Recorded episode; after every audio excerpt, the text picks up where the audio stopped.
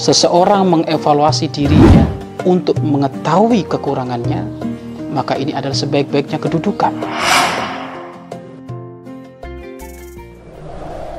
Ayo gabung program wakaf tanah dan bangunan Al-Bahjah Buyut. Hanya 200 ribu per meter.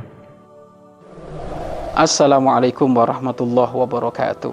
Alhamdulillah wa syukrulillah wa la hawla wa la quwata illa billah. Amma ba'd. Sahabat-sahabat yang dirahmati oleh Allah Subhanahu wa taala. Perindu-perindu Allah Subhanahu wa taala. Bacalah dan simaklah kisah orang-orang soleh. Kapan diceritakan kisahnya orang-orang soleh, maka akan diturunkan rahmat Allah. Lalu bagaimana jika yang dibaca kisah dan sejarah baginda agung Nabi Muhammad Sallallahu Alaihi Wasallam? Tidak hanya rahmat yang turun, akan tetapi bertambah kokoh iman dalam hatimu, serta semakin indah akhlak kepribadianmu. Pemirsa yang dimuliakan oleh Allah Subhanahu wa taala. Ketenangan hati, kesejukan hati itu sumbernya dari Allah karena rahmatnya Allah.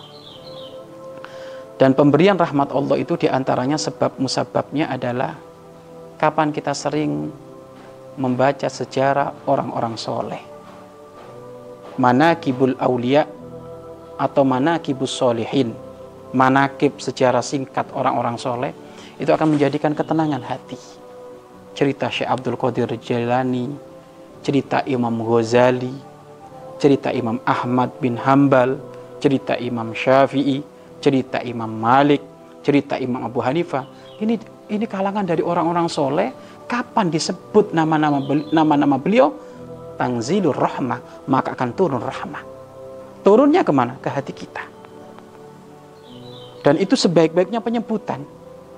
Sebaik-baiknya penyebutan, sebaik-baiknya obrolan, ya kita berbicara tentang akhlaknya orang-orang soleh terdahulu. Jika sekelas Imam Syafi'i disebut akan menjadikan sebab turunnya rahmat. Jika sekelas Syekh Abdul Qadir Al-Jalani disebut ulama-ulama besar, orang-orang soleh, akan menjadikan turunnya rahmat. Lalu bagaimana jika disebut ceritanya memimpin dari orang-orang soleh, baginda agung Nabi Muhammad Shallallahu Alaihi Wasallam maka tentu ini bukan hanya rahmat itu akan turun keberkahan rahmat pengkabulan doa dan juga akan menjadikan imanmu semakin kokoh kuat dan kapan imanmu kokoh akhlakmu kokoh kepribadianmu akan menjadi kepribadian yang hebat maka bercerita tentang Rasulullah ini penting maka pemirsa yang dirahmati oleh Allah Anda jangan kumpul di rumah dengan keluargamu kecuali ceritanya Nabi Muhammad anda jangan kumpul dengan anak-anakmu kecuali ceritanya Nabi Muhammad. Kamu jangan kumpul dengan pembantumu kecuali ceritanya Nabi Muhammad. Kamu jangan kumpul dengan santrimu, bawahanmu, anak buahmu kecuali Nabi Muhammad. Jangan kumpul dengan karyawanmu kecuali berbicara tentang Nabi Muhammad SAW. Kenapa? Ini pemimpin dari orang-orang soleh. Kapan disebut kemuliaan, pengkabulan doa, pemberian rahmat dari Allah akan kita raih, kita dapat. Mungkin kita hidup butuh barokah kok. Kita ini hidup butuh rahmat Allah. Nggak ada barokah, nggak ada rahmat Allah, sia-sia kita hidup. Agar mudah mendapatkan keberkahan dan rahmat Allah, sebut kekasihnya. Baginda Nabi Muhammad Sallallahu Alaihi Wasallam. Terserah orang mau mengatakan, wow itu nggak boleh bid'ah. Orang ngomong nggak pakai ilmu ya asal jeplak aja bid'ah. Bagaimana dikatakan menyebut sejarah Nabi Muhammad dikatakan bid'ah?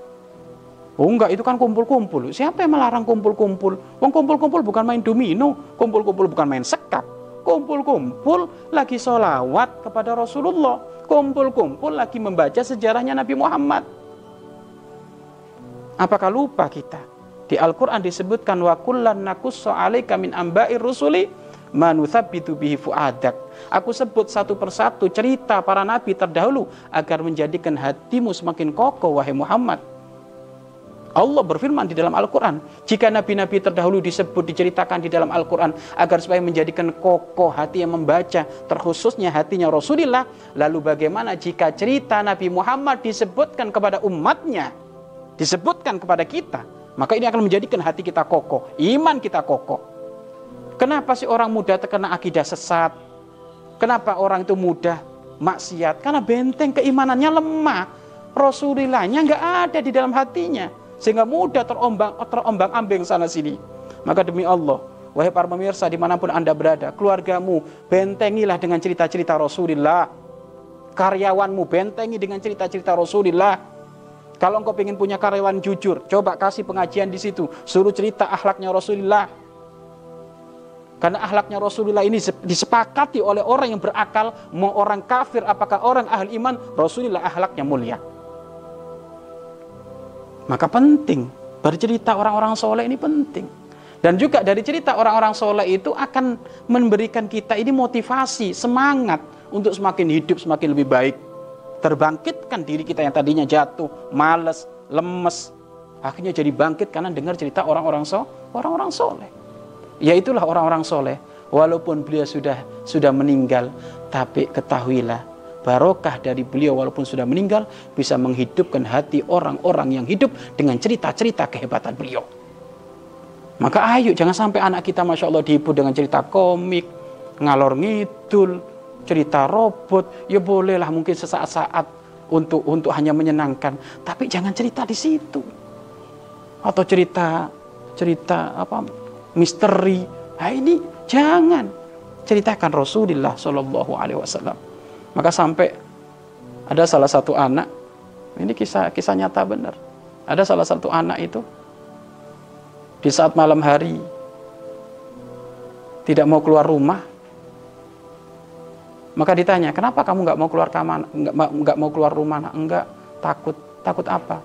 Takut hantu. Loh, kok bisa ya? Kok, kok takut hantu? Ini kayaknya ini ini yang ngajarin orang tuanya nih cerita misteri-misteri. Takut hantu, takut sunter bolong lah. Ini kan bahaya ini. Kenapa? Kok tidak dibawa Rasulillahnya?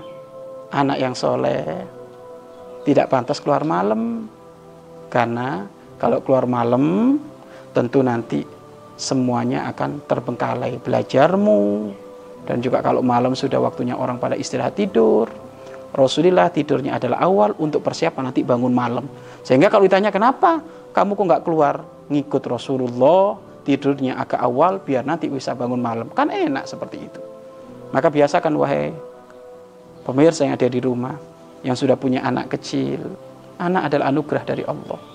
Maka jadikan kalau engkau ingin menjadikan anakmu nurut patuh dengan omonganmu bahwa baginda Nabi Muhammad Sallallahu Alaihi Wasallam. Maka ayo banyaklah kita cerita tentang Rasulullah.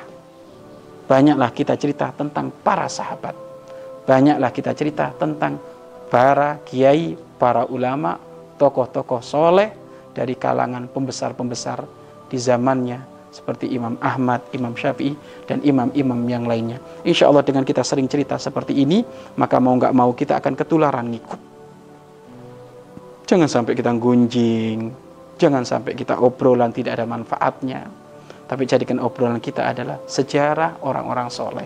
Ingat, sejarah orang-orang soleh jika dibaca, disebut, akan menjadikan hati tenang dan akan menjadikan semangat bangkit dalam diri kita untuk mengikuti mereka. Wallahu a'lam bishawab. Mari berinfak untuk operasional lembaga pengembangan dakwah Bahjah Buyut.